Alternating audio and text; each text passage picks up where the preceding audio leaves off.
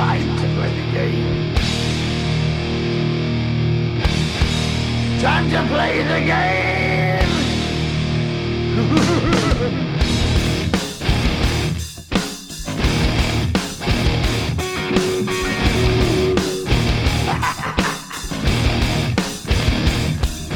It's all about the game and how you play it. All about control. And if you can take it, all about your debt. שלום וברוכים הבאים למשחק מילים, אני שחר ואיתי נמצא מעבר לאוקיינוס זוהר, מה קורה זוהר? שלום, שלום, מה שלומך? נהדר, מזכיר לכם שזהו הפודקאסט שבו אנחנו מנסים להישמע יותר חכמים ממה שאנחנו, ולא מצליחים, שזוהר, לא אם מצליחים. תחשוב על זה, אפשר לפרש. את זה- אפשר לפרש את זה לשני הכיוונים. כן, פשוט אי אפשר להישמע יותר חכמים ממה שאנחנו מרוב שאנחנו חכמים. לא רע. זה מה שאני- זה מה שאני מבין. טוב, הבנתי. אה, מה נשמע? טוב. בבית? מרותק? סגור. לא, לא בבידוד רשמי, סלף קוורנטין מה שנקרא, בידוד מרצון. בידוד עצמי. כן. טוב, יפה, מרגישים טוב, כולם אה, כן. נהנים בנטפליקס, אין, אה, אין מספיק רוחב פס. לגמרי. בסדר. אה, מב- מבשלים הרבה. אה, מזל שיש טיולים עם הכלב. כן, אולי גם אפילו רחמנא ליצלן תצטרך לקרוא ספר. כן, קורה. וואי וואי וואי. קשה. טוב, אה, התכנסנו כי צריך לתת אה, דוח מצב, נראה לי יש הרבה על מה לדבר. יומן סגר. כן. כן, יש אה, המון מה לדבר, אנחנו גם שבוע שעבר לא הצלחנו להוציא פרק, אז יש יותר מדי מה לדבר. אז נראה לי. שאפשר ישר להתחיל, לא? כן, מזל שיש לנו זמן עם כל הסגר הזה. לנו יש זמן ולמאזינים יש זמן, אז uh, בכלל כולם מרוויחים. איזה כיף לנו. טוב, אחלה. אז uh, בוא נדבר רגע על, uh, על קורונה. כן, לא, לא נראה לי שמדברים על זה מספיק. כן. אז, אז חשוב לדבר על זה, למרות שכולם מדברים על זה כל הזמן, אבל אני חושב שבכל זאת, קצת יש, יש פלבול מסוים ב, בציבור הכללי, לא? אני לפחות מרחוק אני רואה את זה, אני, אני פה, אני בארצות הברית, ובארצות הברית יש לא מעט בלבול בנושא, או בטוח שהיה עד לפני כמה ימים.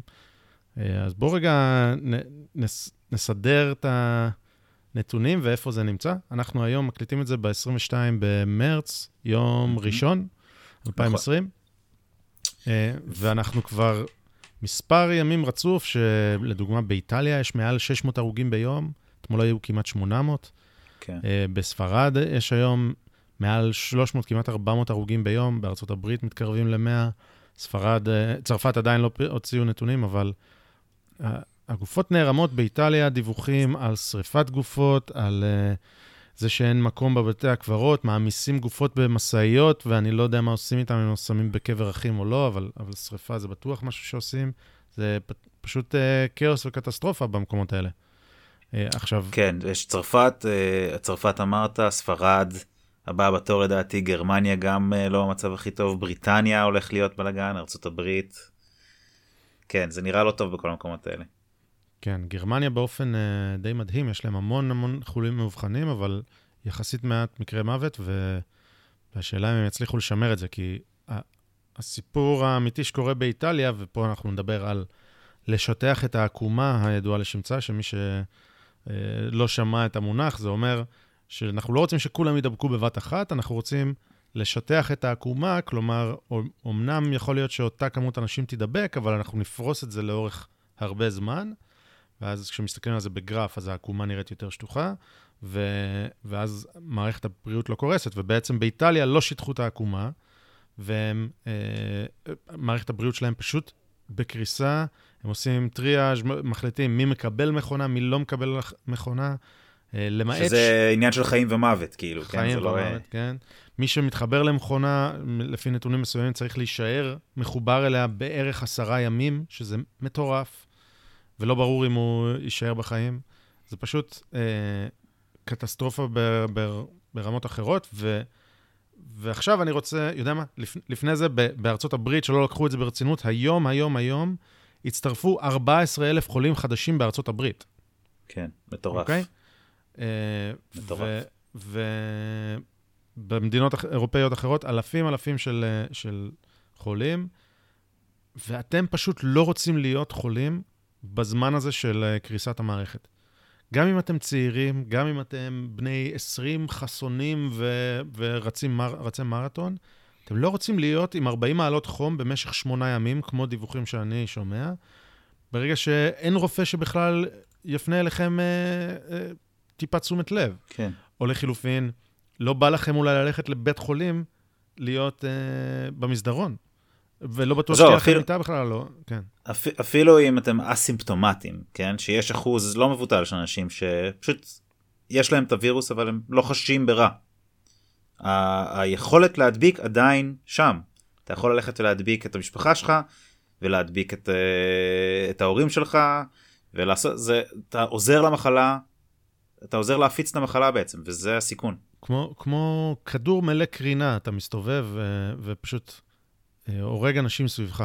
אנשים, אנשים שאתם אוהבים ואנשים שאתם לא מכירים, פשוט עושים נזק. אז לכן צריך לעצור. עכשיו, לפני שנדבר מה הלאה, כאילו שאתה ואני הם אפידמיו, אפידמיולוגים מומחים, כן, לא אבל, ולא. אבל צריך, אה, כן, צריך לדבר אה, מה הלאה, אבל לפני זה רגע, אני בכל זאת רוצה שנייה לשים דברים בפרופורציה, כי אנחנו לחלוטין, לחלוטין עוד לא הגענו לשיא של זה, גם לא באיטליה. וניקח את איטליה כדוגמה, אוקיי? ויש להם שם מאות הרוגים ביום, מערכת קורסת לחלוטין, והם כולם בשבוע האחרון בסגר, הם, הם אתמול גם החמירו מאוד, כלומר, הם סגרו את המפעלים ואת הכל, את הייצור, רק אוכל נשאר עובד.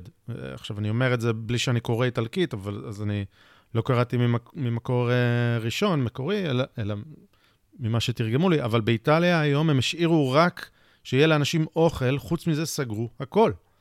כי הם היו צריכים להחמיר, ועדיין הם עוד לא קרובים לשיא, אלא אם כן הם יצליחו לעצור את ההתפשטות. עכשיו, מה, מה אני מתכוון? שמענו מומחים כאלה ואחרים שאומרים, אוקיי, אנחנו מצפים שלאורך הזמן, בין 30 ל-70 אחוז מהאוכלוסייה יידבקו. נכון? שמעתם את המספרים האלה, חלק אומרים 50 עד 60, חלק אומרים ש- 50 עד 70, אני שמעתי, הכי נמוך ששמעתי 30 אחוז. אוקיי? אז בואו נלך עם 30 אחוז, כי אנחנו אופטימיים. אוקיי? אז, ועכשיו, שיעור התמותה הוא משתנה כתלות במצבה של מערכת הבריאות, אבל שיעור החולים קשה, שצריכים להיות מונשמים בספר... בצרפת, הוא היה סביב ה-20 אחוז עד לפני יומיים, אני לא יודע איפה הוא היום. 20 אחוז מהחולים המאובחנים היו צריכים טיפול נמרץ, אוקיי? אז, אז זה לא צחוק. עכשיו, אתם אומרים, טוב, בסדר, נו, 30 אחוז, יאללה, נעבור את זה. איטליה היום, עם 60 אלף חולים בלבד, כלומר, הם רק עכשיו מגיעים ל-0.1 אחוז מהאוכלוסייה חולים. אז הם צריכים אה, פי, פי 300 מהמצב שהם עכשיו, זה כמות החולים האפשרית, אם אנחנו הולכים לתרחיש הכי אופטימי, אוקיי? עכשיו, כל זה, כל החשיפה הזאת, אנחנו צריכים שתהיה בצורה ממש נשלטת, כי אחרת זה קטסטרופה באמת מטורפת. מטורפת. וזה זה המאבק עכשיו, וזה מאבק שאנחנו צריכים בישראל, וגם בארצות הברית. אגב, ב- אני גר ליד ניו יורק, לדעתי בניו יורק הולכים לחטוף פה זפטה, זפטה זו מילה שלא השתמשתי בה הרבה זמן, כן. ז, זפטה ברמה של איטליה, אם לא יותר, כי באמת לא לקחו פה צעדים כמו שצריך, בעיר בטח לא, ולמזלה של ארצות הברית, מבחינת מערכת הבריאות, שמוכפשת מאוד וזה יקר וזה, מערכת בריאות עם הרבה יותר מיטות והרבה יותר רופאים והרבה יותר חדרי אשפוז והכול, אבל עדיין, זה לא משנה. גם אם יהיו פי עשר מאיטליה מבחינת כמות המיטות פר, פר קפיטה, עדיין, כשה, כשהצונאמי הזה מגיע, זה לא משנה. זה לא משנה. אז לכן כן, צריך צונ- להיות סופר של- ממושמעים. כמו שאמרת צונאמי של 0.1% מהאוכלוסייה מספיק בשביל להקריס את המערכת באיטליה. מה שכן אני, חי... אני חייב להגיד שאת ה... את הפירות של הסגר שהם, אה, שהם החליטו עליו הם אמורים לראות רק פחות או יותר שבועיים מיום הכרזת הסגר. אה, זאת אומרת אם הם כבר קצת יותר משבוע בסגר הם עדיין לא אמורים לראות את הפירות של זה. כנראה אה, אפילו יותר זו, כי יכול להיות שבסגר אנשים מדביקים את בני מדביקים המשפחה שלהם. עדיין את, את המשפחה. נכון. אז, אז, אבל... עדיין, ג- אז עדיין, גם אחרי אבל שבועיים... בשביל להתחיל לראות את הפירות, חייבים את השבועיים האלה, כי מי שעכשיו, היום נדבק, נדבק לפני שבועיים, וזה בעצם לפני שהסגר התחיל בכלל, אז... אה, נ- נכון, אז אני אומר שפשוט זה הולך לעלות פי שניים, שלושה, כי המשפחות נמצאות ביחד, אז עוד שבועיים הולך להיות פי מהמם. שניים, שלושה כמות חולים, כן. לכאורה, כן? ו... או בוא נגיד, זה החשש. ורק אחרי, רק עוד חודש או חודש וחצי, באמת אנחנו נתחיל לראות את פירות הסגר. אה, אה, את את לא, הירידה אתה- הזאת אתה- בעקומה. אתה תתחיל לראות את הפירות לפני, אבל עדיין יהיה לך עוד... עוד נדבקים חדשים שתגלה כי הם כן. הדביקו את המשפחה עדיין כן, זה כבר לא יהיה אתה מעריכי. תוכל לראות זה לא יהיה מעריכי בדיוק כן. אבל, אה, אבל בשביל להפסיק לעצור את זה לגמרי נצטרך לחכות איזה חודש חודש וחצי. אוקיי, אז אה, אחרי שאמרנו את כל זה כלא מומחים, בשבתנו כלא מומחים, אוקיי. זה פשוט עסק רציני, אוקיי? ואנחנו מדברים אה, בתור אחים להורים אה, בני 60 פלוס, צריך פשוט לדאוג להורים האלה עכשיו, לדעתי. עכשיו, ההורים שלנו, כמו הרבה הורים בגיל הזה, עם עקשנים, והם יגידו, אה, בסדר, אני רק הולך לסופר בקטנה וזה. אני חושב שהילדים צריכים כרגע למנוע מהם לעשות את זה, ו- ולתת להם, להביא להם לפתח הבית את כל מה שהם צריכים, את הקניות, את המצרכים, את מה שצריך, כי זה פשוט מסוכן. אני, אה, את, אתם לא, אני לא יכול לדמיין מה יקרה אם, אם יהיה בכלל, אה, אתה יודע, אה, אם אחד ההורים שלנו חס וחלילה יידבק, ועכשיו מה? אי אפשר ללכת לבקר אותם בבית חולים אפילו. באיטליה אנשים מתים כן. בודדים, אחרי שהם שבעה ימים מנסים לנשום ממכונה, ואז הם כן. פשוט מת, דועכים ומתים. זה, זה קורע לב, באמת. זה, כן ו, ופשוט, מטורף. ופשוט, א- אמא, אבא וכל אמא ואבא ששומעים את זה, קחו את זה ברצינות ו- ותישארו בבית, והילדים, אם ההורים שלכם לא שומעים את זה, אז דבר ראשון, תמליצו להורים שלכם, כי בטח. אנחנו רוצים עוד מאזינים. דבר שני, תדאגו להורים שלכם, וכן, ת, הם עקשנים, אני יודע, אבל אתם צריכים להיות יותר עקשנים במקרה הזה, כי את, אתם צריכים לשמור עליהם. פשוט, פשוט ככה. טוב אז אז אז ביססנו את זה שזה נושא רציני. אה, צריך לקחת את זה ברצינות אבל מה מה אתה חושב על הטיפול בארץ איך זה קורה זה ראית איך אה, איך ביבי מבטל את המשפט שלו איך הוא גונב פה את הדמוקרטיה כן, אה, בוא, בוא, בוא נעבור ל, אל הפלונטר הפוליטי כל דיקטטורה קמה בעת חירום. אה, שמע, דבר ראשון, אה, יש לי לא מעט ביקורת על דרך ההתנהלות, ו- ונתאר נתאר, אה, עוד רגע, אבל אני חושב שממש לקרדיט של המערכת בישראל, ו- ו- וכנראה גם לראש הממשלה בפרט, היה זיהוי מאוד מוקדם של הבעיה. צעדים מאוד מוקדמים ש... שאתה יודע, אנשים גיחכו ואמרו, מה זה ההיסטריה הזאת? כן ויש מועמדים אה, מסוימים לראשות ממשלה שטענו שזה פייק ניוז כדי לשכך אה, הצבעה, ויש אה, כל מיני כאלה, אז, אז אין ספק שהזיהוי היה מוקדם והמהלכים הראשונים היו מהירים יותר וחדים יותר ממה ש, מה שקרה במדינות שאנחנו רוצים להידמות אליהן. אז שם היינו יותר טובים. מאז אנחנו לא כל כך טובים. אנחנו לא כל כך טובים כי א', הניהול המרכזי הזה של משרד הבריאות הוא פשוט מזעזע. כלומר, הסמכות לעשות בדיקות שנתונה רק למשרד הבריאות, זה רעה חולה סוציאליסטית נוראית. מה, במכון ויצמן ככה. לא יודעים? בוא נגיד ככה אם החשש הוא העיקרי הוא שתהיה קריסה של המערכת אז פה יש בעצם גל שגורם לקריסה של, ה, ש, ש, של, ה, של משרד הבריאות של יכולת שלהם לבדוק את זה הם פשוט לא מסוגלים להתמודד עם הכמות הזו ו, ויש כל מיני מקרים פרטניים אה, שצריך לבדוק אותם לגופם כי, כי זה פשוט חלמאות אחרת אבל מה לעשות זה לא עומד בסטנדרטים אז לא בודקים. זה הכל תוצאה של זה שזה ריכוזי בעצם.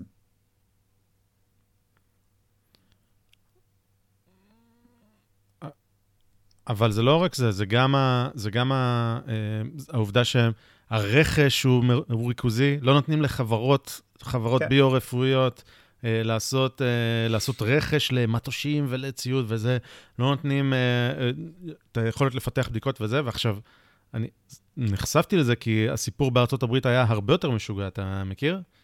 לא. בארצות אה, ה- כן, ה-FDA לא אישר.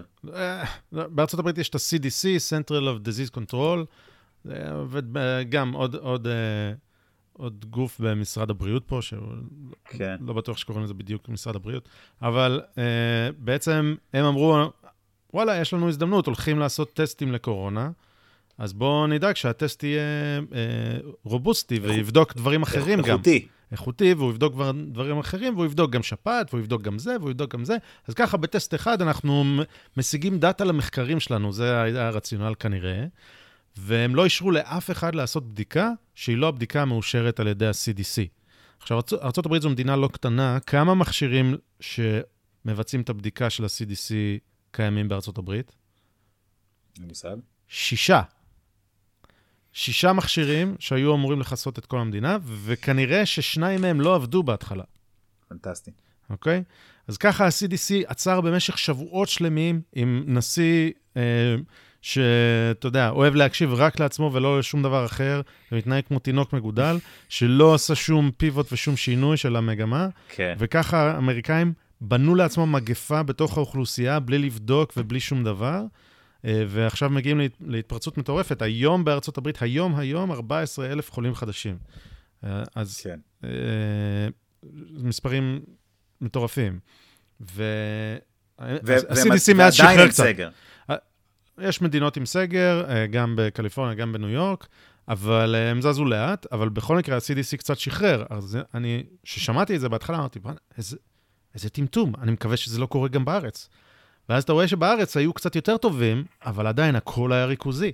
למה שהמרפאה שלי ב... ב... לא יודע, בחיפה, לא תוכל לבדוק את זה? עכשיו, כן, צריך סטנדרט והכל, אבל, אבל יש אנשי מקצוע טובים יותר, אה, מה זה טובים יותר? טובים לא פחות מאנשי המקצוע שמוסמכים, שקיבלו תעודה ממשרד הבריאות, ושוב, עת חירום. והכל הכל ריכוזי, עם תוכנית אה, ריכוזית והכל. אז, אז באופן כללי, אני לא אוהב את הריכוזיות הזאת. אני כן אוהב את זה ש... אה, אלה הזמנים שבהם ממשלה באה לידי ביטוי, או אה, שלטון, המונופול שאנחנו נותנים לממשלה על אלימות, אוקיי?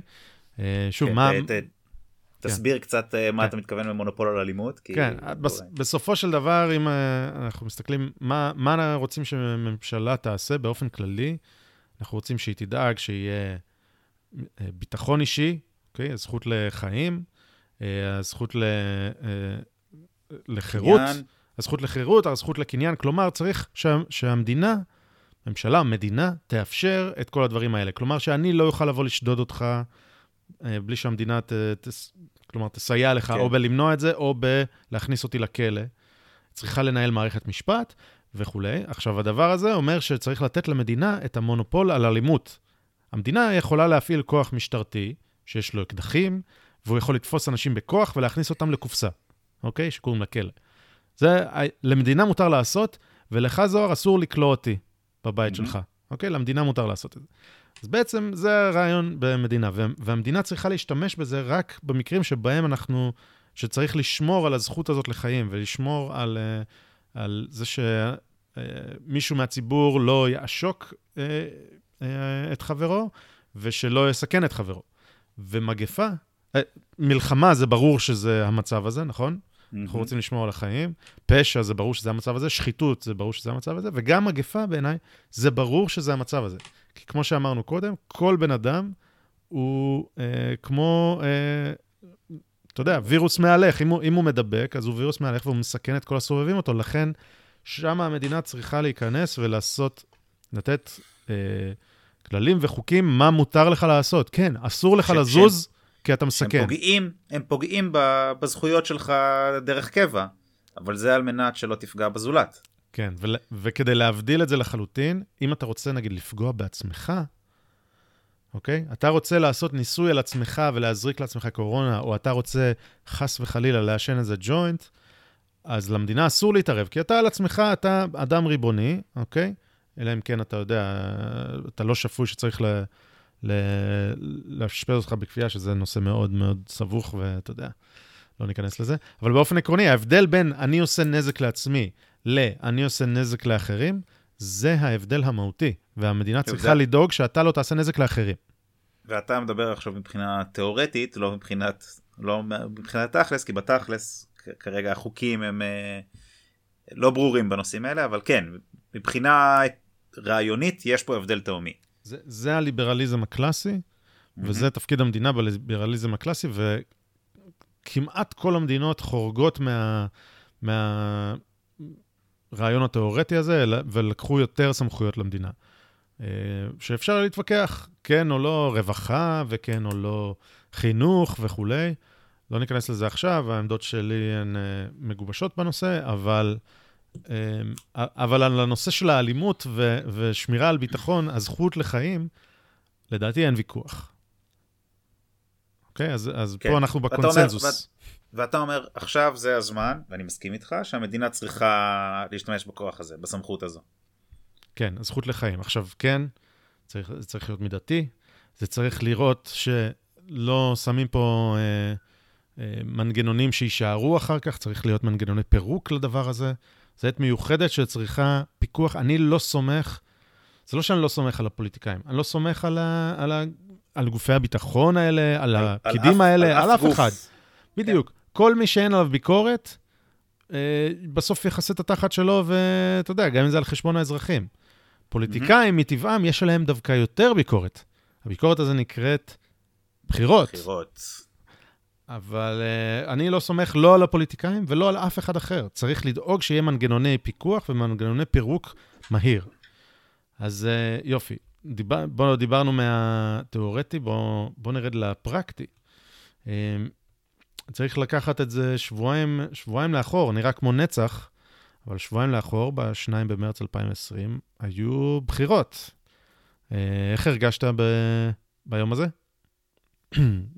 עם פרסום תוצאות המדגמים? תשמע, אז uh, בהתחלה, בהתחלה הייתה מעין, uh, אני מדבר בתור איש ימין, כן, אני הצבעתי לאחת ממפלגות הימין. Uh, בהתחלה הייתה מעין אשליית ניצחון כזה, הייתה, היה 60, אבל קיווינו ש... קיוויתי שיהיה 61. אז הייתה מעין אשליית ניצחון והליכוד קיבל יותר מנדטים מכחול לבן ובניגוד לסקרים אבל uh, יום אחרי זה בוא נגיד, או במהלך הערב הייתה מעין אשליית הפסד כזו. אני בכוונה אומר אשליית הפסד, כי זה בעיניי לא היה... אין פה באמת הפסד. זאת אומרת, uh, זה, זה תוצאה שהייתי קונה uh, בתחילת הבחירות, זאת אומרת, כשהתחילו הסקרים והכל, ואני פשוט לא חושב שזה הפסד, כי, כי עדיין אין, אין אף צד שניצח. זאת אומרת, המשחק עדיין פתוח בעיניי. אה, לא חושב ש, שבאמת יש אה, אופציה וייבילית של, אה, של ממשלת 61 עם, עם המשותפת. כן, כולנו רגילים שהמדגם אה, מראה תוצאה שקצת מראה עם הימין. אז mm-hmm. היה 60, אתה אומר, או, יופי, זה יהיה 62, 63, איזה יופי, אתה... סיימנו לפחות את הסבבים כן. האלה, גם אם אתה בעד, גם אם אתה נגד, כן? אני בטוח שמי שהיה נגד אה, אה, מאוד לא שמח, אבל אולי הייתה איזושהי הקלה של, או, oh, לפחות יש הכרעה, אה, אולי. אבל באופן מפתיע, המדגמים היטיבו עם הימין, והיה, ו, והכל, אה, המנדטים ככה זלגו החוצה עוד שני מנדטים. אה, כמובן שאנחנו, קשה ל- לראות מה היה בדיוק, כי ועדת הבחירות המרכזית לא מפרסמת את הפרוטוקולים שלה. כן. אה, שזה, אין הסבר לזה, זה פשוט לא יאומן. אה, יש הסבר. ככה. זה, זה באמת לא יאומן, אוקיי? וזה... שנייה, אז, אז על, על, אני יודע שהליכוד ביקש את הפרוטוקולים של, uh, מוועדת הבחירות. ועדת הבחירות יש לה עשרה ימים, אם אני לא טועה, לא, שבוע. אה, יש לה זמן מוגבל להגיש תוצאות כן, רשמיות. כן, עד שהיא מגישה לנשיא תוצאות בחירות רשמיות. הליכוד ביקש לפני העת הזו, ופשוט ועדת הבחירות לא נתנה עד היום, לא נתנו את הפרוטוקולים. כן. לכו דברו על שקיפות. אה, וזה כמובן יושב ראש ועדת בחירות אה, ששמו ניל הנדל, שופט עליון, שממשיך את דרכו של קודמו, השופט המכובד חנן מלצר, אה, רואה האסלות. כן. מי שמבין את הרפרנס, אז, אז הוא מאזין, מאזין נאמן. מי שלא, שיבדוק את הגיגים 11. אוקיי, יופי. אז אז קמת עם תחושת הפסד יום למחרת, כי, כי מה, מה, פתאום כאילו זה הרגיש אה, יופי, אז אין, אין, אין הכרעה. עכשיו יש, אה, יש אופציה של אה, 62 מנדטים להקים ממשלה אולי. דיברו על אה, להקים, אה, לחוקק חוק שחבר כנסת שיש נגדו כתב אישום לא יוכל, אה, לא יוכל בעצם לקבל את הרכבת הממשלה. אה, ובהתחלה אמרתי, שיט, זה לא, זה באמת אה, יצליחו פה לעשות איזה מהלך שאני מאוד נגדו. אבל אז אה, שתיתי כוס מים, והבנתי את המשמעויות של הדבר הזה. ואני, מלבד לזה שאני לא רואה את זה כאופציה וייבילית שתחזיק, אני לא רואה, זה לא באמת ממשלה שתחזיק. כי זה פשוט לא, לא יכול לקרות, זה לא ליברמן וכחול לבן רגע. רגע, רגע. יאיר לפיד אמר שאומנם הרשימה המשותפת, הם הולכים להישען עליה, בניגוד למה שהם אמרו לפני, אבל הוא אמר, חבר'ה, זה הצבעה חד פעמית, להקים את הממשלה, וזהו. אנחנו לא משתפים איתם פעולה, אלא רק הם מצביעים בעד הממשלה. אם ככה, יום למחרת תהיה הצבעת אי אמון, והם לא יתמכו ברשימה המשותפת, ואז אה, יהיה להם מיעוט, הם בסדר, במיעוט. בסדר, אז ההסכם רק אומר שבהצבעות אי אמון ובהקמת הממשלה הם מצביעים בעד. אז, אז יש פה הסכם. ואז זה אומר שמה שהרשימה המשותפת נותנת זה הצבעה בהצבעות אה, אמון ואי אמון. מה שאנחנו לא יודעים זה מה הם מקבלים בתמורה. אה, וזה משהו שאנחנו עדיין לא יודעים, לא, לא מדברים על זה בכלל. אבל קלירלי יש פה משהו שניתן. אגב, לפי פסיקות עליון משנות ה-90, חייבים לחשוף את זה. אבל uh, נראה מה יהיה. יש עתירה בנושא. אגב, אני חושב שהבעיה היא לא זה שיש הסכם, צריך להיות הסכם, ואין לי בעיה שיהיה הסכם, ואתה יודע, הסכם עם, ה... עם הערבים וזה, אלא, אלא פרטי ההסכם, זה מה, ש... לא, זה, מה. זה מה שמפריע, ו... אבל יותר מזה, אני חושב, שזה, אני חושב שהבעיה יותר חמורה מזה. כי ממשלה לא מתנהלת רק בכ... בכנסת, רק בהצבעות אמון או אי אמון, או רק בהקמתה. כל דבר שהממשלה רוצה לעשות, כל דבר כמעט, אוקיי? צריך לעבור בכנסת. רוצים להעביר תקציב, יש אלפי הצבעות על התקציב, אלפי הצבעות. רוצים אה, לשנות משהו, להעביר חוק הכל עובר בכנסת. אז לכן, לא. זה גניבת דעת להגיד שזה רק, אה, ב, רק בהצבעת הקמת הממשלה, או רק, ה- או רק אל מול הצבעות אי אמון. ה- היכולת של הרשימה המשותפת להפיל את הממשלה היא מוחלטת. אה, עומדת, עומדת בעינה ומוחלטת, בדיוק. ולכן הם יכולים, על כל דבר שהם רוצים, במיוחד אם לא, אם לא מתוך הממשלה, כי אין להם את האחריות כאילו, אלא רק את, ה, רק את החרב אה, מעל הצוואר, הם יכולים פשוט לאיים שהם אה, יפילו ולדרוש מה שהם רוצים. אוקיי, אז אתה גזען, הבנתי. כן. אה, לא. אני, אני לא נגד אה, הרשימה המשותפת בגלל שהם ערבים. אה, אני לא מחבב את עומר כסיף אה, בגלל שהוא עופר כסיף בגלל שהוא אה, יהודי. אה, אני לא מחבב אותו. ו, ואני פשוט חושב שזה לא קשור בכלל אני גם יש הר- הרשימה המשותפת זה יצור כלאיים שקם ב... בזכותו, בגללו אה, של ליברמן, שהעלה את אחוז החסימה, ונתניהו, שקידם את זה איתו. לח... לחלוטין, העלו את אחוז החסימה וגרמו למפלגות הערביות הקטנות להתאחד אה, ליצור אחד. זה שהציבור הערבי מצביע להם בכמות הזו, זה קטסטרופה בעיניי, וכאילו אין, אין פה אידיאולוגיה מאחורי הרשימה הזו. אה, יש כאן, יש כאן את אידיאולוגיית הרק לא ביבי, וגם, וגם אה, איזושהי אידיאולוגיה שקשורה לעם הפלסטיני אולי, אה, בגדול. אבל, אבל זה פשוט אה, יצור, יצור כלאיים כזה, לא ברור, אין קו מנחה, אה, הם ערבים, אז לדעתי מי שמצביע להם בגלל שהם ערבים אז הוא גזען.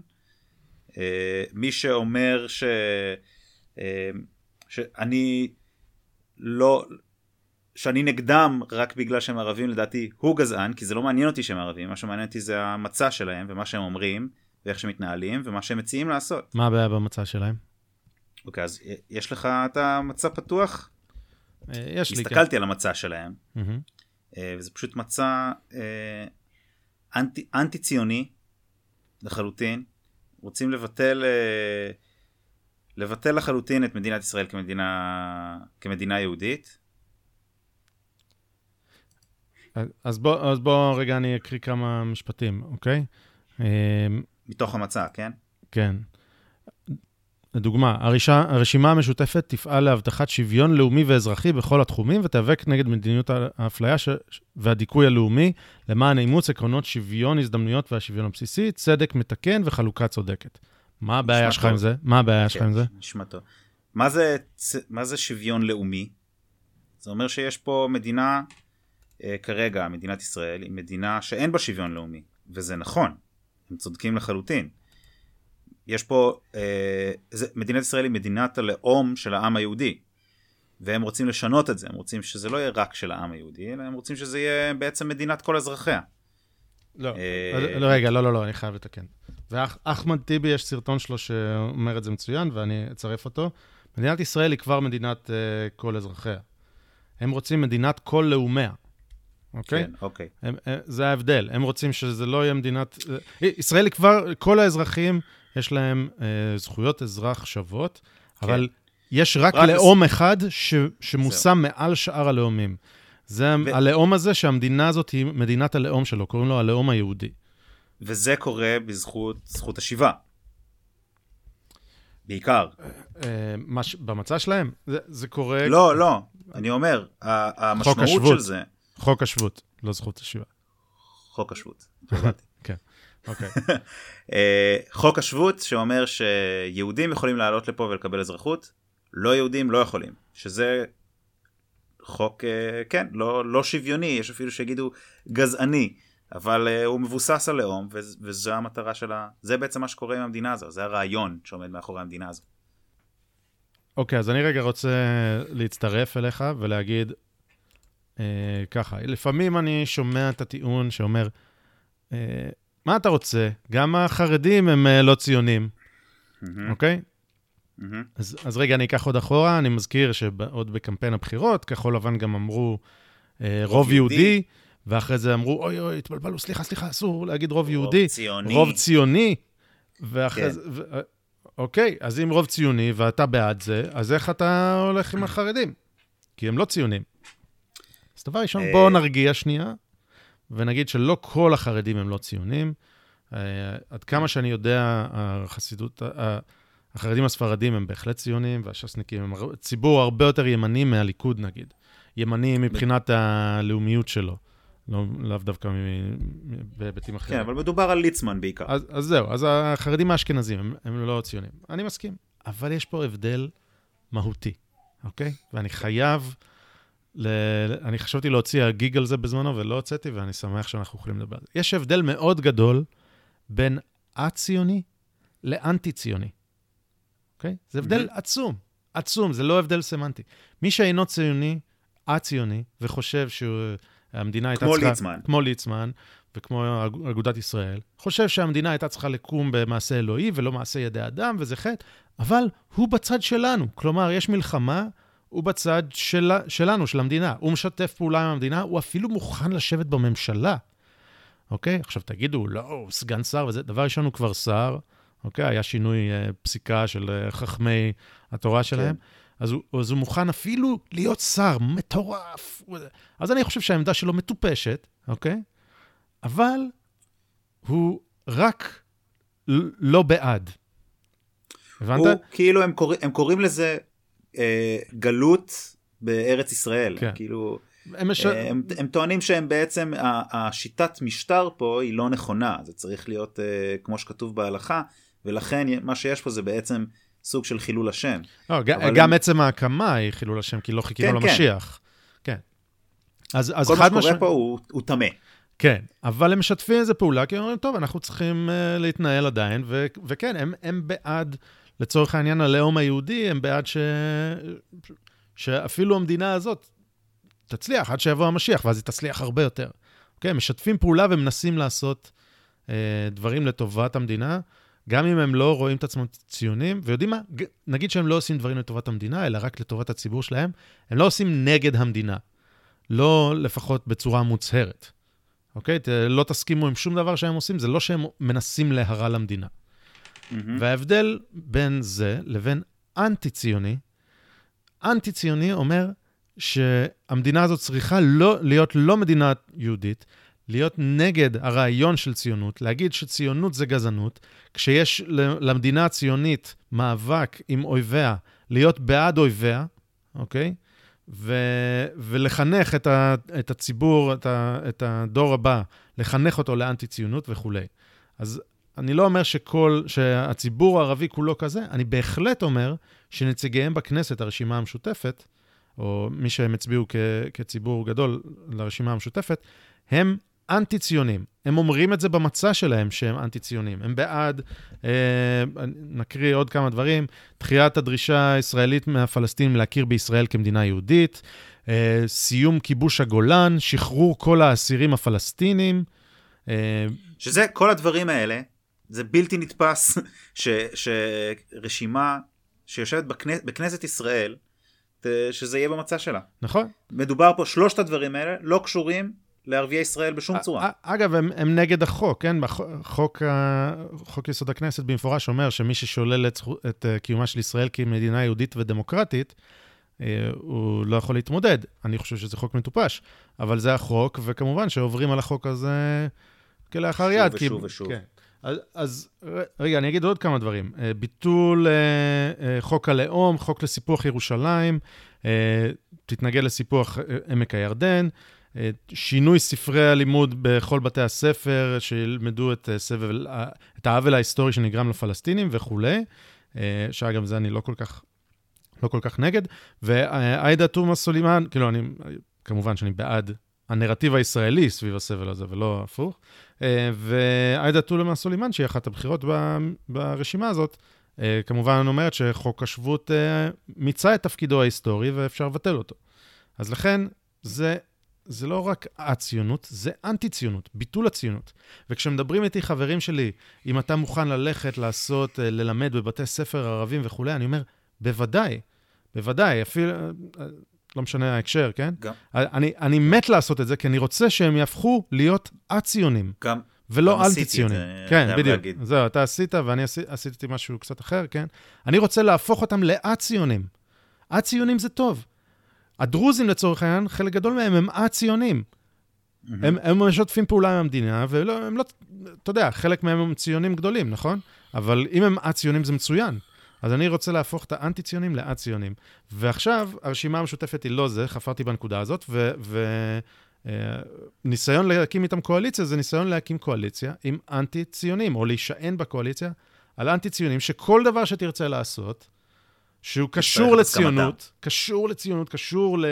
ל אתה יודע, ללאום היהודי, אתה... האנטי-ציונים יעצרו אותך. כן, אתה, צריך את ההסכמה שלהם בכל דבר, ונשמע לי לא, לא אפשרי להחזיק ככה ממשלה באמת. אוקיי, אה, אז... לא יודע, מה יקרה אם, אה, אם יהיה איזשהו סבב עם עזה, או משהו עם לבנון חס וחלילה. כן. הרי אה, איימן עודה מהלל את נסראללה גם.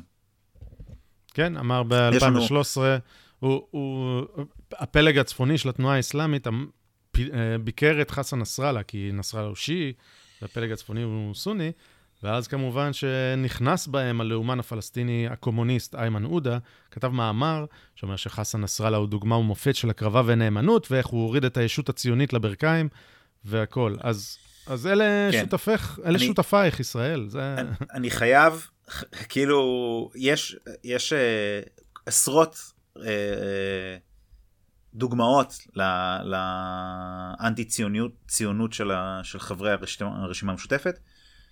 אני ממש, כאילו, אני שומע את איימן עודה מדבר בעברית. אה, הוא תמיד מדבר בלשון אה, של, של שלום, שוויון וכל זה, אבל הוא פשוט זאב בעור כבש. הוא, מד... הוא מדבר שונה בערבית, ובאמת יש לזה כל כך הרבה דוגמאות.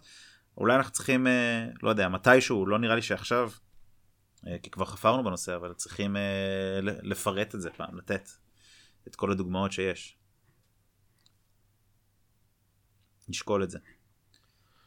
אה, טוב, יפה. אז יש לך עוד משהו להגיד על המשותפת? אה, אני, אני, אני רק, אה, אני חושב שזה מפה אפשר להמשיך באופן רציף להגיד שאתה חושב שאורלי לוי בגדה בבוחריה? אה, אוקיי, אז זה טירוף, כן? רגע, רגע, בוא נעשה את זה ככה. קודם כל, מה שהיה, זה שהיו הבטחות בחירות. כמו לפני כל בחירות, יש הרבה הבטחות, והרבה מהן לא מקוימות, כן? פוליטיקאים מבטיחים הרבה דברים.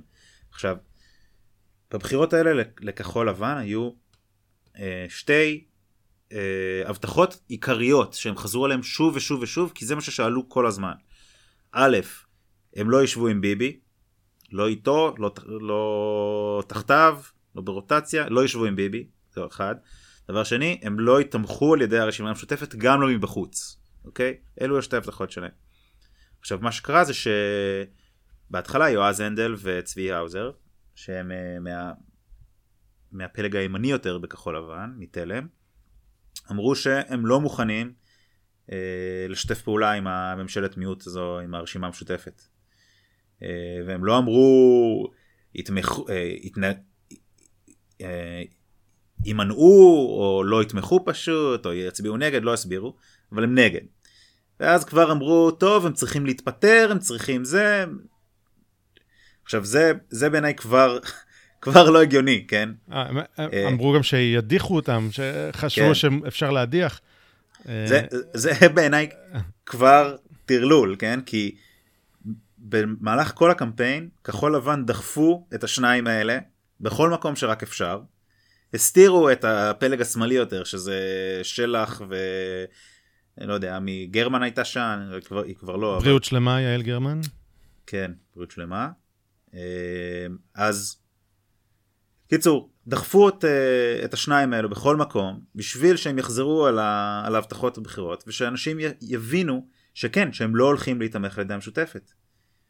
ואז איך שיום אחרי הבחירות, זהו, פתאום סובבו, סובבו דיסק, החליפו דיסק, אה, ומבקשים להדיח אותם אולי, או מבקשים מהם להתפטר. ואומרים שהם אה, חוטאים לרעיון של המפלגה. ו- גנבי דעת. זה מטורף, כן, מטורף. אגב, אני, אני ציינתי שרוצים להדיח אותם כדי להבהיר כמה זה אבסורד, כמה מדברים על ארדואן, וחושבים ש, שיושב ראש יכול להדיח חבר כנסת. כן. כאילו, כל כך לא דמוקרטי, זה- כל כך לא... הוא לא יכול נקודה, וזה הכי לא דמוקרטי שיש. אוקיי. טוב, ואז, אה, ואז הגיעה אורלי לוי, שהיא יושב ראש גשר. אה, היא רצה עם אמת, עם אה, עבודה ועם מרץ, שסך הכל קיבלו, קיבלו שבעה מנדטים.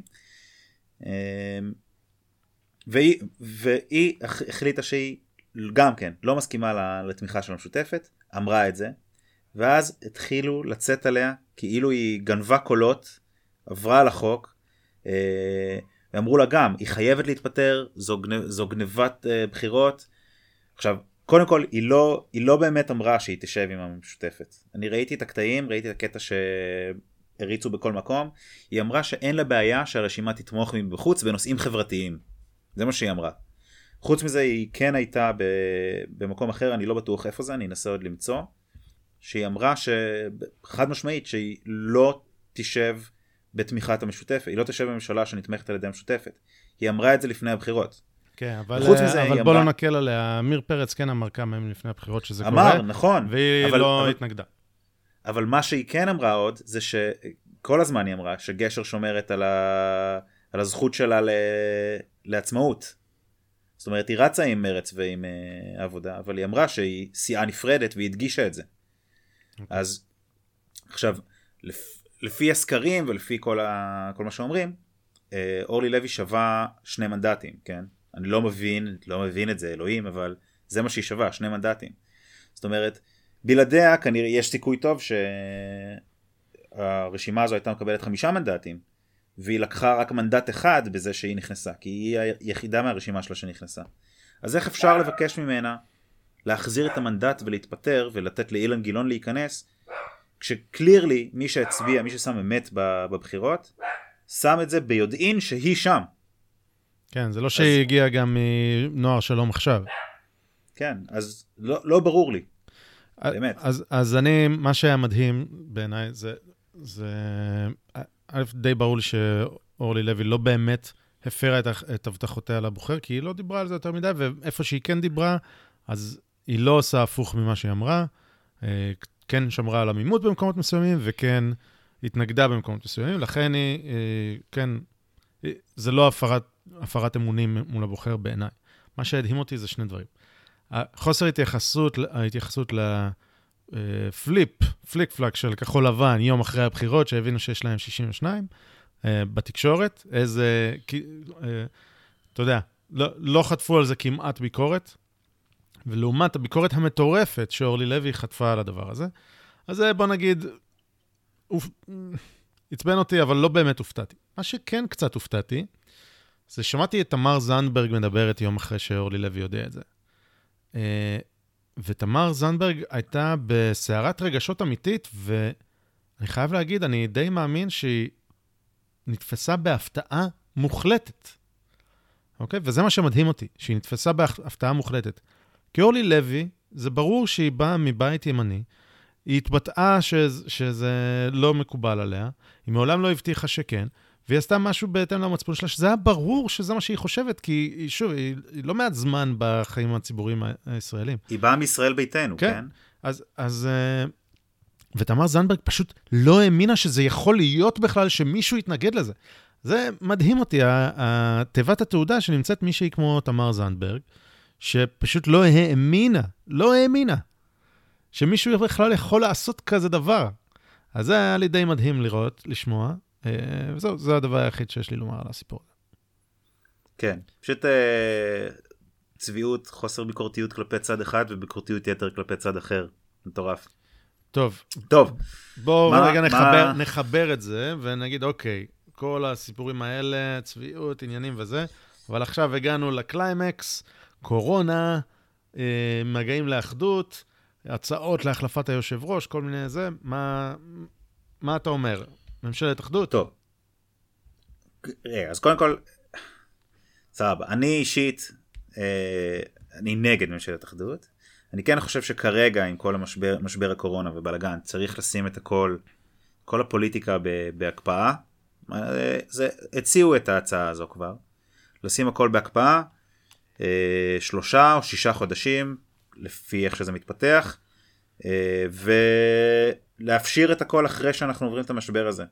ואז אני לא יודע אם זה אומר לנסות ללכת אז. לממשלת אחדות אמיתית, או אם אה, ללכת לבחירות רביעיות.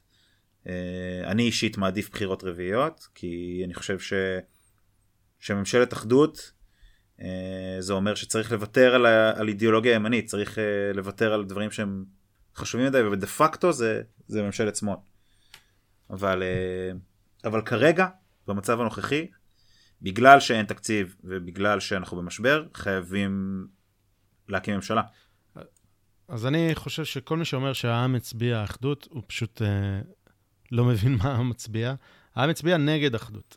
פעם שלישית כבר רצוף. העם לא רוצה אחדות. אה, אני חושב ש... מי שבליכוד אה, ורוצה אחדות עם כחול לבן, אה, המצביעים האלה הם מעטים, ואני בטוח חושב שמי שהצביע עבור כחול לבן ורוצה אחדות עם הליכוד, מוכן לאחדות עם הליכוד, הם ממש מעטים. אני מדבר על הליכוד mm-hmm. בראשות ביבי, לכן לא הצביעו בעד אחדות, וגם אני לא רוצה אחדות, כי זה... כי הדברים שהכי חשובים לי, לדעתי, אה, לא רק שלא יקודמו, אלא יוראו. אבל, כמו שאמרת, ממשלת חירום זה מה שצריך לעשות עכשיו.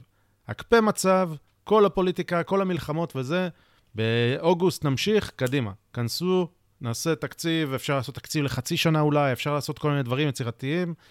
עכשיו צריך לטפל במצב החירום הנוכחי, וזהו, תפסיקו להיות תינוקות, תפסיקו. אז זה ממש מאכזב, ואני חושב שכל אני... הצדדים תינוקות, וכולם עובדים mm-hmm. בצ... בצעדים לגיטימיים לגמרי, אבל מסריחים אחד-אחד. עכשיו רגע, שנייה, לפני הלגיטימי לגמרי, הדבר הזה גם יוצר סיטואציות שבו אה, מכובדנו יאיר לפיד אה, עושה סרטון שבו הוא קורא לאנשים, אומר כאילו שזה לא בסדר שהמדינה שמה אותנו בסגר. במשתמע, כן. וכן, ובמשתמע הוא קורא לאנשים לצאת להפגין, ו, וזה באמת יכול לעשות נזק, כן? כן. אה...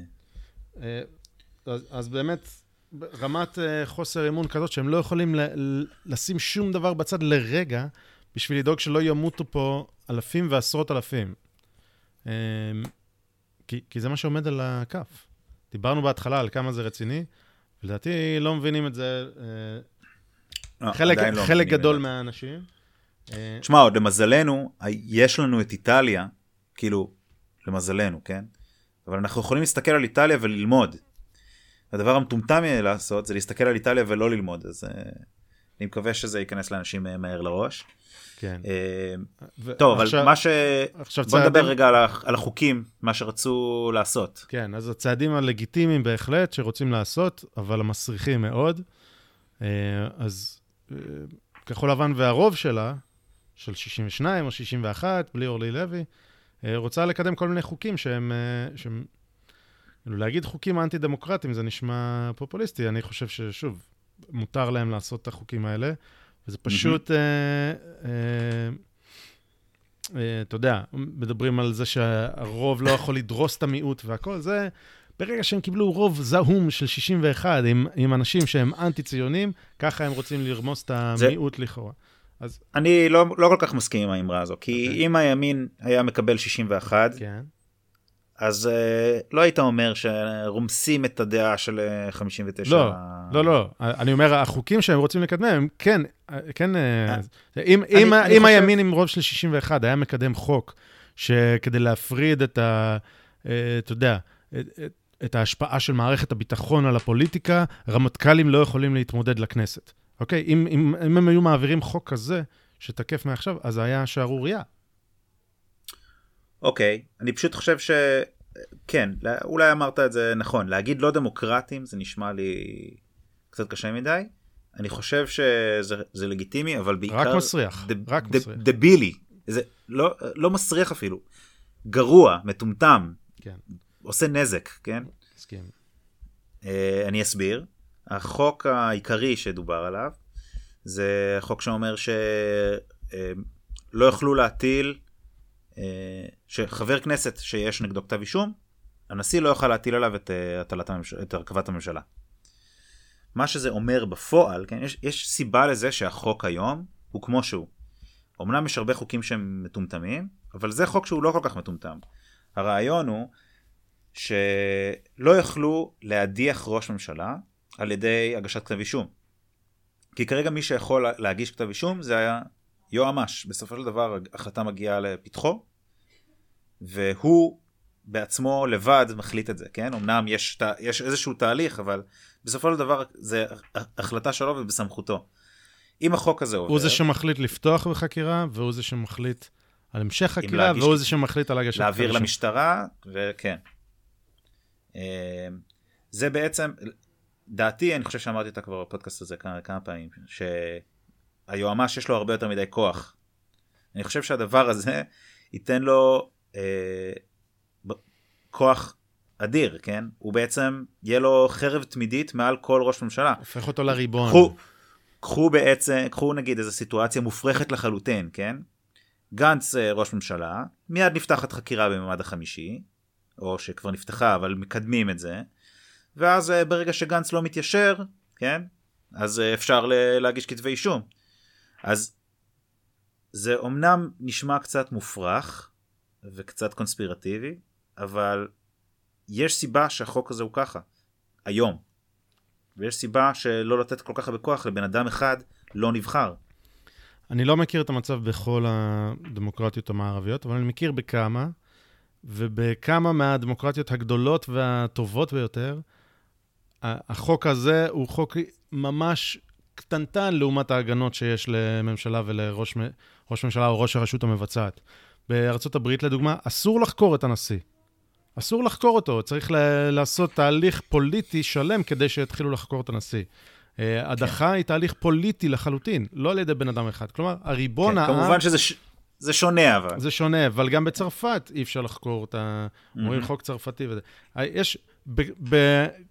אני- שוב, אני לא אגיד כל, כי אני לא עשיתי מחקר על כל המדינות, אבל בהרבה מאוד מדינות מערביות עם מסורת דמוקרטית ורציניות, אי אפשר להדיח, פקיד לא יכול להדיח.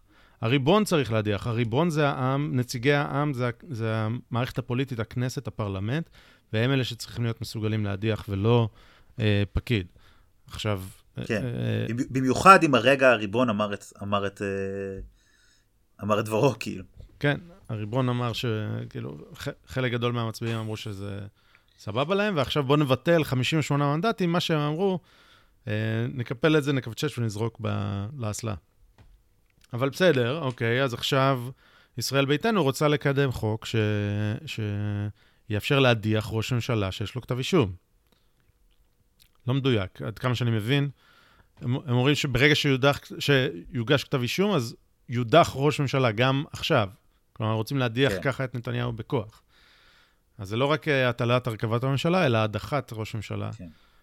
זה גם כאילו, אני לא יודע אם זה, אם זה למישהו לא ברור, אבל זה האם אימא שלו פרסונלי, כל הזמן דיברו על אה, חוקים פרסונליים וזה. כן, טוב, אני חושב שזה אה, לגיטימי ומטופש ועושה נזק, ו- מאוד הרבה. ואגב, חוסר הבנה של איך עובדת מערכת אה, דמוקרטית, ובאמת מיהו הריבון. ופרסמנו הגיג בנושא של אה, אה, ההגות הפוליטית של, אה, של ראש, יושב ראש כחול לבן, שאני.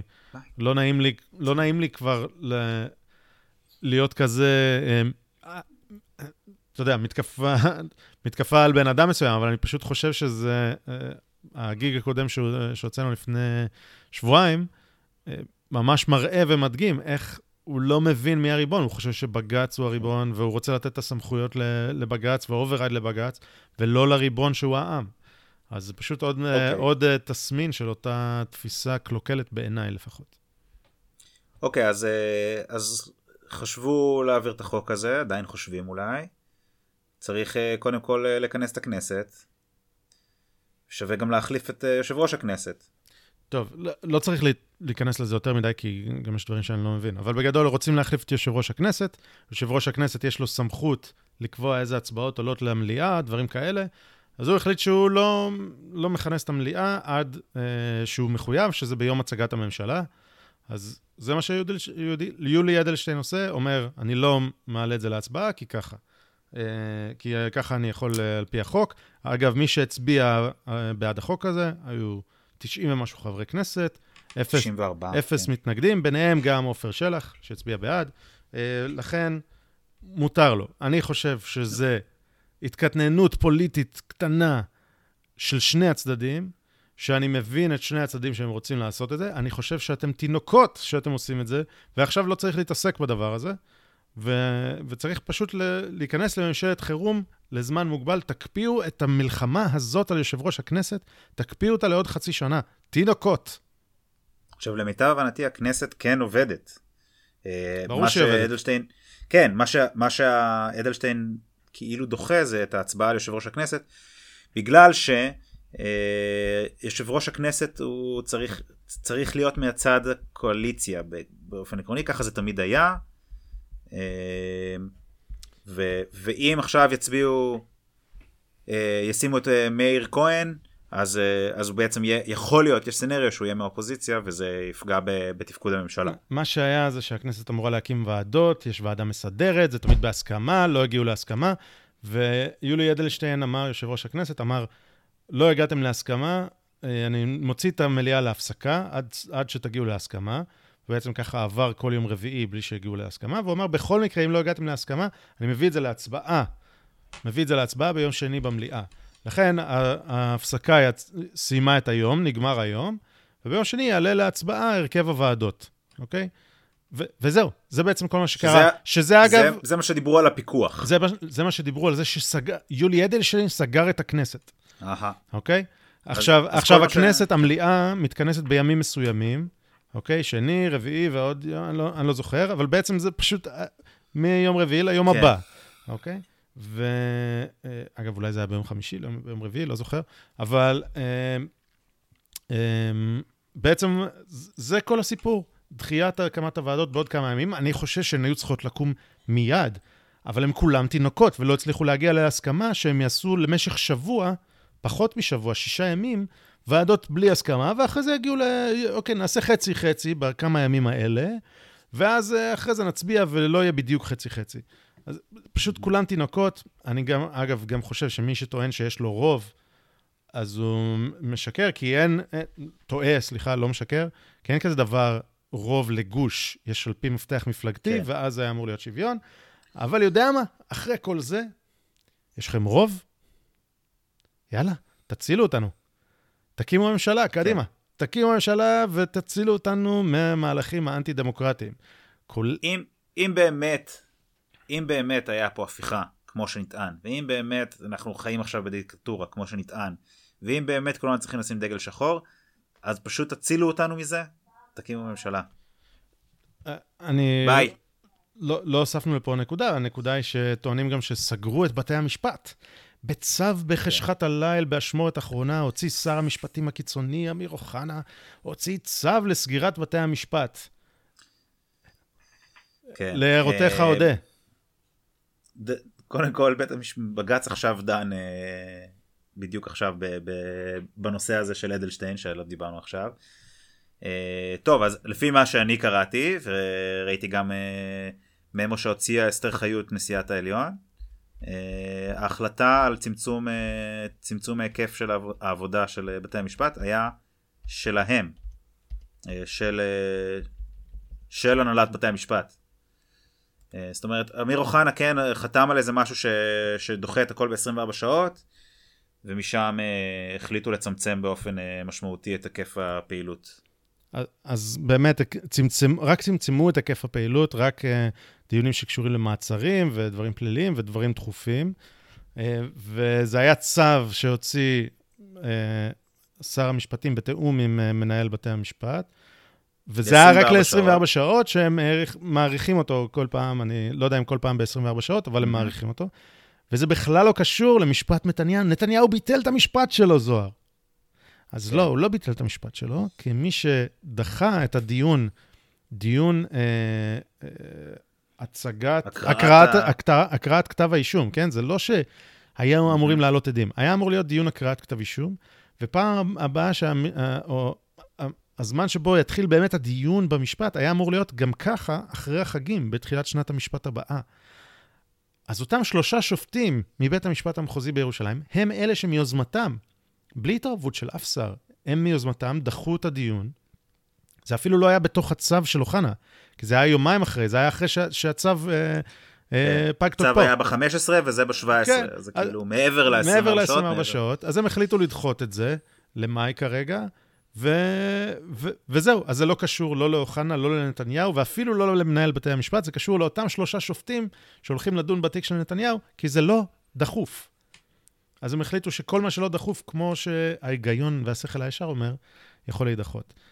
אז אוקיי, אז אוקיי, ש- ואחרי כל זה... דחוף- אוקיי, רגע, נו. נו, כן, כן, דבר אתה. לא, אתה אתה תדבר על מה שכן דחוף, ואחרי זה אני אגיד מה אחרי כל זה. כן, אז, אז מה שכן דחוף זה, מסתבר, כל מה שקורה עם הכנסת עכשיו. אה, שהגישו עתירה לבג"ץ, שאיך יולי, יולי, אדלשטיין יכול לעשות את זה? הוא סוגר את הכנסת, הוא חייב להביא את זה לדיון.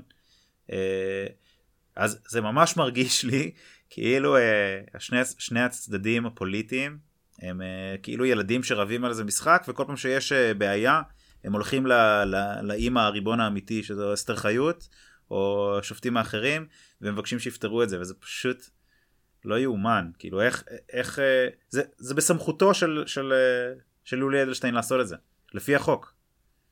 אז אני לא מבין למה, למה בית משפט בכלל צריך להתערב, באיזה סמכות הוא יכול להתערב. אה, עוד משהו שהיה, אז טוב, הוא-. אתה רוצה להגיב על זה? כן, דבר ראשון, בוא נגיד ככה, התקנות לשעת חירום הן מפחידות, אוקיי? האיכון של השב"כ וזה, זה מפחיד, וגם האיכונים של המשטרה. אני מפחד, אני חושב שהטעות הכי גדולה של הממשלה זה שאין שקיפות. תציגו לנו האזרחים מה זה אומר.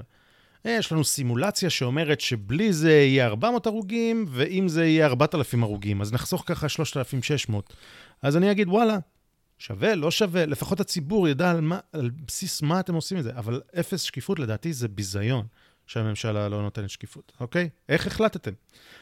אבל אחרי שהם החליטו, אוקיי, שאני בעד שתהיה להם הסמכות להחליט, אני מאוד מאוד חשוב לי שיהיה פיקוח על זה, ושיהיה פירוק של הדבר הזה, כרגע זה רק ל-14 יום מתחילת הצו, ושיהיה פירוק של הדבר הזה, ושיפקחו על זה גופים 30 חיצוניים. יום, נראה לי. אולי העריכו, לא יודע. אני, אני ראיתי 30. אבל, אוקיי. אבל בכל מקרה, הכנסת צריכה לפקח. הכנסת תעשה עבודה גרועה בפיקוח, אבל לפחות יהיה מישהו שיפקח, ואולי יצליחו למנות מישהו חיצוני שיפקח, וזה מאוד מאוד חשוב. והכנסת, זה שהם תינוקות, לא מפקחת, וזה הכנסת מועלת בתפקידה. לא הממשלה מועלת בתפקידה, אלא הכנסת מועלת בתפקידה. ובית המשפט העליון, סלחו לי, הוא לא מפקח. הוא רק מחליט, כן, יהיה ראוי או לא ראוי, נראה לי בסדר או לא נראה לי בסדר, לא על בסיס זה. סמכות ב- בחוק ולא כלום. מה שהם עשו, הם ביטלו את התקנות לשעת חירום של אני- המשטרה. אני רק אגיד, זה, אני רק אגיד, זה גם, הביאו את הנושא הזה של האיכונים גם לבית המשפט, כן. הייתה עתירה נגד האיכונים, איכונים, כן. איכונים של שב"כ. אז, אז גם נגד האיכוני, התקנות לשעת חירום של איכוני שב"כ ואיכוני המשטרה, שזה שני דברים שונים. אה, ואגב, גם זה של השב"כ, לכאורה לא השב"כ נוגע בזה, אלא משרד הבריאות, לא משנה. מה שבית המשפט העליון עשה, הוא עשה, לקח שתי החלטות שונות בנושא. הוא אמר, על המשטרה, תקנות לשעת חירום מבוטלות. למה? לא יודע, לא נימקו משפטית. אבל בעצם זה, מה המשמעות של זה? לא יודע, לא נימקו ולא אמרו. אבל החליטו בג"ץ לבטל את זה. לדעתי, בין השאר, המשמעות היא שכל צו איכון צריך שיחתום עליו שופט. אז עכשיו זה רק לעכב את האיכונים, וזה מה, כאילו שהשופט באמת יחליט, אתה יודע, אנחנו יודעים שהשופטים מאשרים מעל 99.5% מהצווים להאזנות סתר שהמשטרה נותנת להם. איך אנחנו יודעים? כי זה הנתונים ל-2019. אני אשים קישור. אה, אז, אז אז לדעתי אבל הם, הם לא פשוט ביטלו את זה, אלא הם, אה, הם נתנו עד לא. יום, את המשטרה הם עד יום ביטלו. שלישי. לא. את זה של המשטרה הם ביטלו. לשב"כ, למשטרה... לשב"כ הם נתנו עד יום שלישי נראה לי להציג אה, את הסיבות או את ה... לא, לא, לא. לזה של השב"כ, הם אמרו שזה עומד בתוקפו, ועד יום שלישי הכנסת צריכה להתחיל לפקח. ובעצם, אוקיי. אמרנו שאדלשטיין... אה, אמר שעד יום שני קבע- יקומו קבע הוועדות. שיקומו הוועדות עד יום שני, ולכן, לפחות לכאורה, אלא אם כן יהיה עוד איזושהי קטסטרופה, הוועדות יקומו ביום שני ויתחילו לפקח ביום שלישי. אז בג"ץ עשה איזשהו grandstanding, איזשהו תרגיל שיווקי שאומר כאילו הוא מתערב. ועכשיו, מה, מה קורה? נגיד שלא תהיה הצבעה ביום שני, היא תידחה ליום רביעי בגלל שלא יודע מה. אוקיי? להזכירך, יש מגפה בחוץ. אז מה, מה בג"ץ יעשה? מה? מה זה, מה זה הצו הזה? מה זה הנו-נו-נו הזה שבג"ץ נותן? מתוקף מה? כמובן שאין נימוק, אין נימוק משפטי. זה רק אה, שמים את ה... אתה יודע, את האקדח על השולחן. זה מה שעושים. אז אה, אני חושב שזה חריגה מסמכות, אפס אחריות. מה המשמעות של הצו הזה של, של ביטול תקנות השעת חירום למשטרה?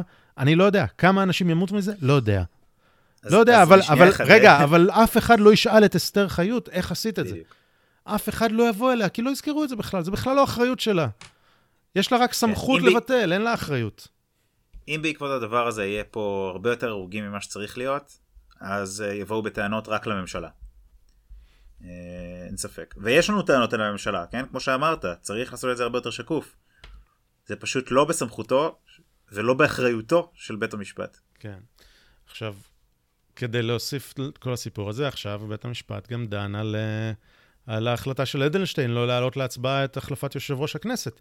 דבר שעל פי חוק, חד משמעית, מותר לו. עכשיו, מגיע לשם, האבסורד הוא שמגיע לשם היועץ המשפטי לכנסת, ומציג עמדה, אמנם עם קצת אה, תבלינים אחרים, כן, אבל בסופו של דבר אומר, בג"ץ לא צריך להתערב, כי יש שיקול דעת ליושב ראש הכנסת. הוא השתמש במ- במונח שיקול דעת מצומצם, שאלו אותו מה זה מצומצם, הוא התחיל לגמגם על זמן, על זה. הוא אומר, בסופו של דבר, פוליטיקה זה עניין שזז מהר, אל תתערבו. זה היועץ המשפטי לכנסת, אה, אייל ינון, ונציג היועץ המשפטי לממשלה, זה עכשיו קורה בזמן אמת, כן? אני לא יודע מה ההחלטה, אבל אה, נציג היועץ המשפטי לממשלה אומר שצריך, חייבים מחר להצביע בכנסת על החלפת יושב ראש. כמה שיותר מהר להחליף יושב ראש כנסת. לה- להצביע, לא להחליף. להצביע על כן, יושב ראש. אה, אח- להצביע. עכשיו, דיברתם איתי על הפרדת רשויות, על שלטון החוק, על דמוקרטיה. מה היועץ המשפטי לממשלה בכלל קשור לדיון הזה? יש לכנסת, לרשות המחוקקת, יועץ משפטי, קוראים לו אייל ינון. העמדה שלו במקרה די דומה לעמדה שלי במקרה, אבל הוא הסמכות ל- לתת את הייעוץ המשפטי הזה. אגב, כמובן שהיועץ המשפטי לממשלה, אה, סליחה, אייל ינון הוא לא הסמכות לתת את העמדה הזאת, אלא הוא צריך לתת את העמדה של היושב ראש. של ה... כן. אבל, אבל, אבל הוא לא עושה את זה, הוא עושה דע- בערך. לדעת- לדעתי, דרך אגב, דעתו האישית, הוא, אני לא בטוח שהוא כל כך מיושר עם אדלשטיין, הוא אבל הוא כן, לא... בדיון הוא מייצג את עמדתו של אדלשטיין. כן. ועכשיו, היועץ המשפטי לא רק שמציג עמדה הפוכה לעמדת הממשלה, אוקיי, היועץ המשפטי לממשלה, מייצג עמדה, לה- אה, עמדה שהיא הפוכה לעמדת הממשלה, היא גם עמדה שתקפה על הרשות המחוקקת. אז הוא תגידו לי, מתערב לכנסת. אז תגידו לי, מהי סכנה לדמוקרטיה? מה? מה הסכנה להפרדת הרשויות ואיזון בין הרשויות ופיקוח והכול? מה שהיועץ המשפטי ככה דורס ברגל גסה, גסה את הרשות המחוקקת? שלא לדבר על זה, זה על ממש- בג"ץ, שהוא חולש על שתי הרשויות האלה. זה ממש... זה ממש עליהום, עליהום של שתי הרשויות האחרות על, הרש... על הכנסת. אה, זה, לפי החוק זה לחלוטין בסמכותו של אדלשטיין אה, לעשות את זה, וגם אה, בג"ץ דן בזה, לא בסמכות, וגם היועץ המשפטי לממשלה מעורב בכלל בדיון הזה, למרות שהוא לא צד ב- בנושא. טוב, התעייפתי, התעייפתי. אבל מה, דיברנו בפרק האחרון שהקלטנו ביחד, דיברנו על, אה, על ה-BDS האמיתי.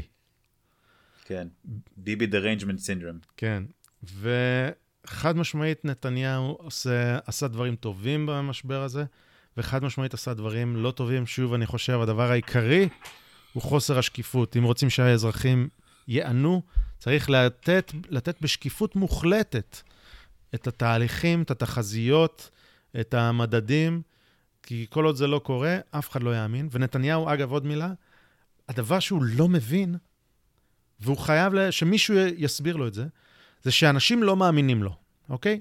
לפ... לא, לא משנה מה הוא יגיד. לפחות חצי מהאוכלוסייה, אוקיי? לפי הבחירות האחרונות, לא מאמין לו. לא משנה אם ימותו 50 אלף איטלקים, ונראה שזו הסכנה שבאה אלינו, לא מאמינים למה שהוא אומר. אז הוא צריך לא להיות זה שאומר את זה. הוא צריך לתת לאנשי מקצוע להגיד את זה, ואם הוא רוצה, שיעלה אחרי זה ויענה לשאלות בשקיפות. אבל הוא צריך להיות לא זה שנותן את ההנחיות, כי אמנם אני יודע שהוא מרגיש את כובד המשקל עליו, וחלק מלהבין את כובד המשקל הזה, זה ל- לרצות שהמסר יהיה כמה שיותר אפקטיבי. וכשהוא מעביר את המסר, זה לא אפקטיבי לחלק גדול מהאוכלוסייה. אז זה, עכשיו, זה מחבר אותי ל-BDS. למה לא מאמינים לו? בגלל BDS, בין השאר. אה, כי, כי שוב, לא משנה מה קורה, חושבים שהוא משתמש בקורונה כדי לעשות סגר, והנה הדיקטטורה עולה, והנה אה, כולאים אתכם בבתים שלכם, ממשלה לא נבחרת, רודן שביטל לעצמו את המשפט, סגר את בתי המשפט, סגר את הכנסת, והנה הוא מלך והכל והכל. אה, אז ח- זה פשוט סכנה. סכנה, וביבי צריך לדעת להתמודד איתה, כי הוא צריך להבין שזה המצב, אבל גם אותם אנשים שהם סובלים מ-BDS חייבים לצאת מזה, כי, כי הם מעמידים את, אותנו בסכנה עכשיו, את כולם. את עצמם ו- ואת כולם. לגמרי. טוב, אז אה, אגב, טוב. אגב, אם אה, זה, אני, יש אה, סרטון ששלחת לי נהדר של... שעושה, לוקח שיר ממלך האריות של סקאר, כן. ו- השיר נתכונן אני- בעברית. נתכונן או, או נ- בי פריפרד כן. זה של סקאר, כן. אז בעברית זה... נתבודד. נתכונן. כן, אז נ- נתבודד. אה, אז אה, זה בביצוע של סקאר המקורי. הישראלי. אז, אז כן, אה, סר. סרט משובח ושיר מסובך, משובח והכול, רק שהוא סובל קצת מ... אה, אתה יודע, מ-BDS, או שיר שממש מתאר איך הפכנו לדיקטטורה, זה הכל. כן, זהו. אה, אתה יודע, מוסליני, אה, מוסליני עוד שנייה יצא למרפסת. טוב, אז מה, יאללה, רגע, אז מה אה, יהיה? אז מה יהיה? תשמע, אה, אפשר לדעת באמת מה יהיה, אני מקווה מאוד ש... שאנחנו הולכים לאופציה העדיפה עליי, שהיא אה, איזשהו ממשלת חירום, מקפיאים את המצב, אה, ובעוד כמה חודשים אה, בחירות שוב. אה, ו- ואני מקווה ש- שבאמת ה- ה- הסגר הזה, ש- שעכשיו אנחנו צריכים לסבול, אה, יניב את הפירות שלו בקרוב ו- ולא נגיע למצב של אה, שאפילו לא דומה למה שקורה באיטליה. צריך רק שאנשים יהיו מושמעים. אוקיי, אז uh, לגבי המשבר הבריאותי, אני, קשה לי מאוד להעריך, אני.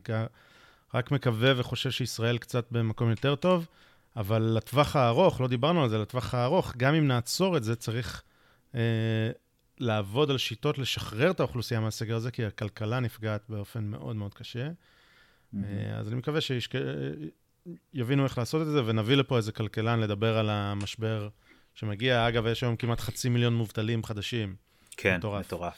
אה, בהיבט המשבר הפוליטי, זה ההימור שלי. מוכן להימור נועז? קדימה.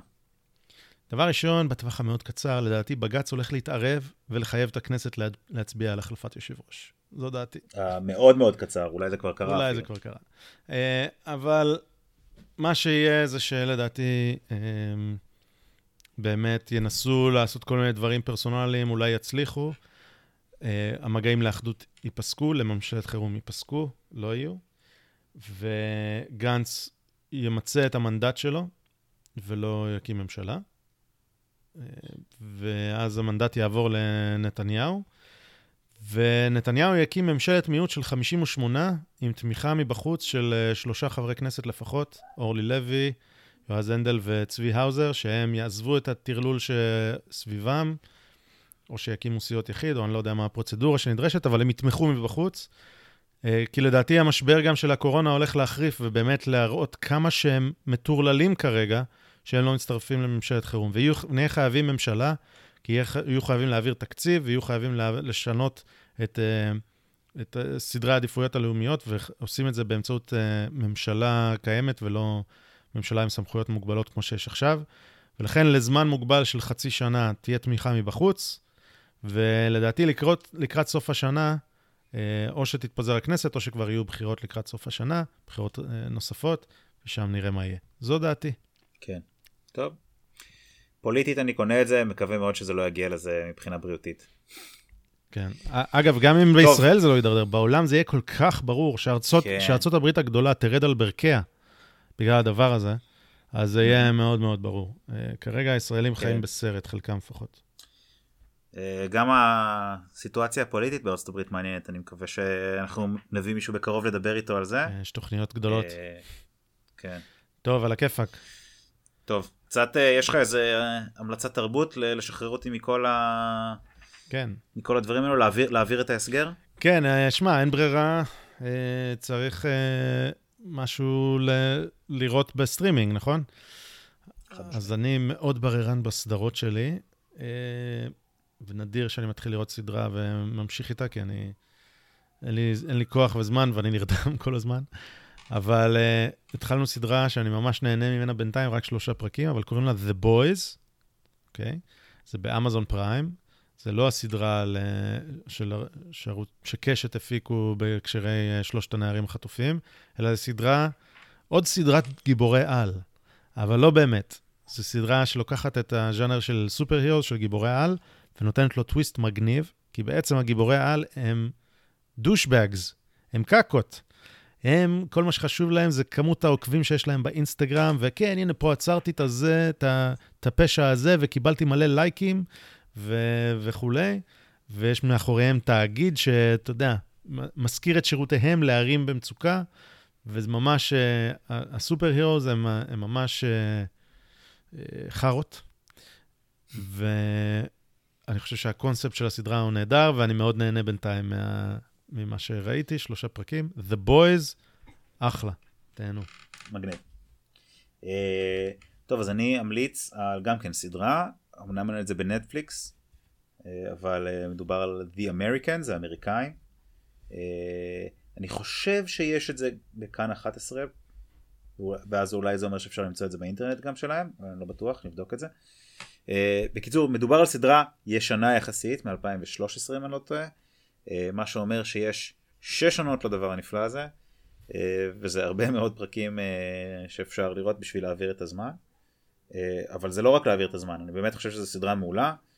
מדובר על, על צמד מרגלים, מרגלים רוסים שבעצם שתולים ב, באמריקה, הם מתערבבים באוכלוסייה האמריקאית וכל התככים והמזימות שקורים שם בזמן המלחמה הקרה בשנות ה-80 כזה, 70, 80.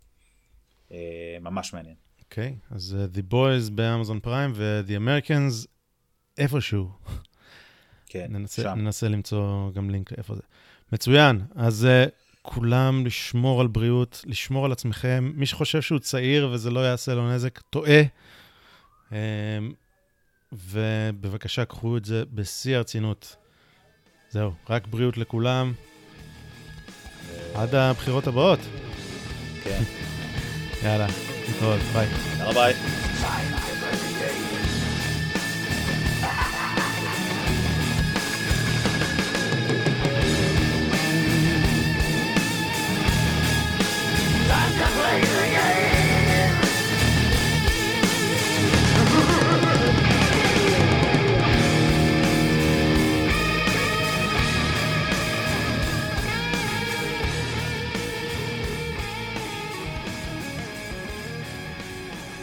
אם אתם מוצאים את הפודקאסט הזה בעל ערך, אז תכתבו לנו תגובות באתר, באימייל, תעקבו אחרינו ביוטיוב, בטוויטר, צייצו אותנו או תשתפו אותנו לחבריכם, כשעוד אנשים ישמעו ויוכלו להאזין, כי אם מצאתם את זה שוב בעל ערך, אז אולי זה שווה.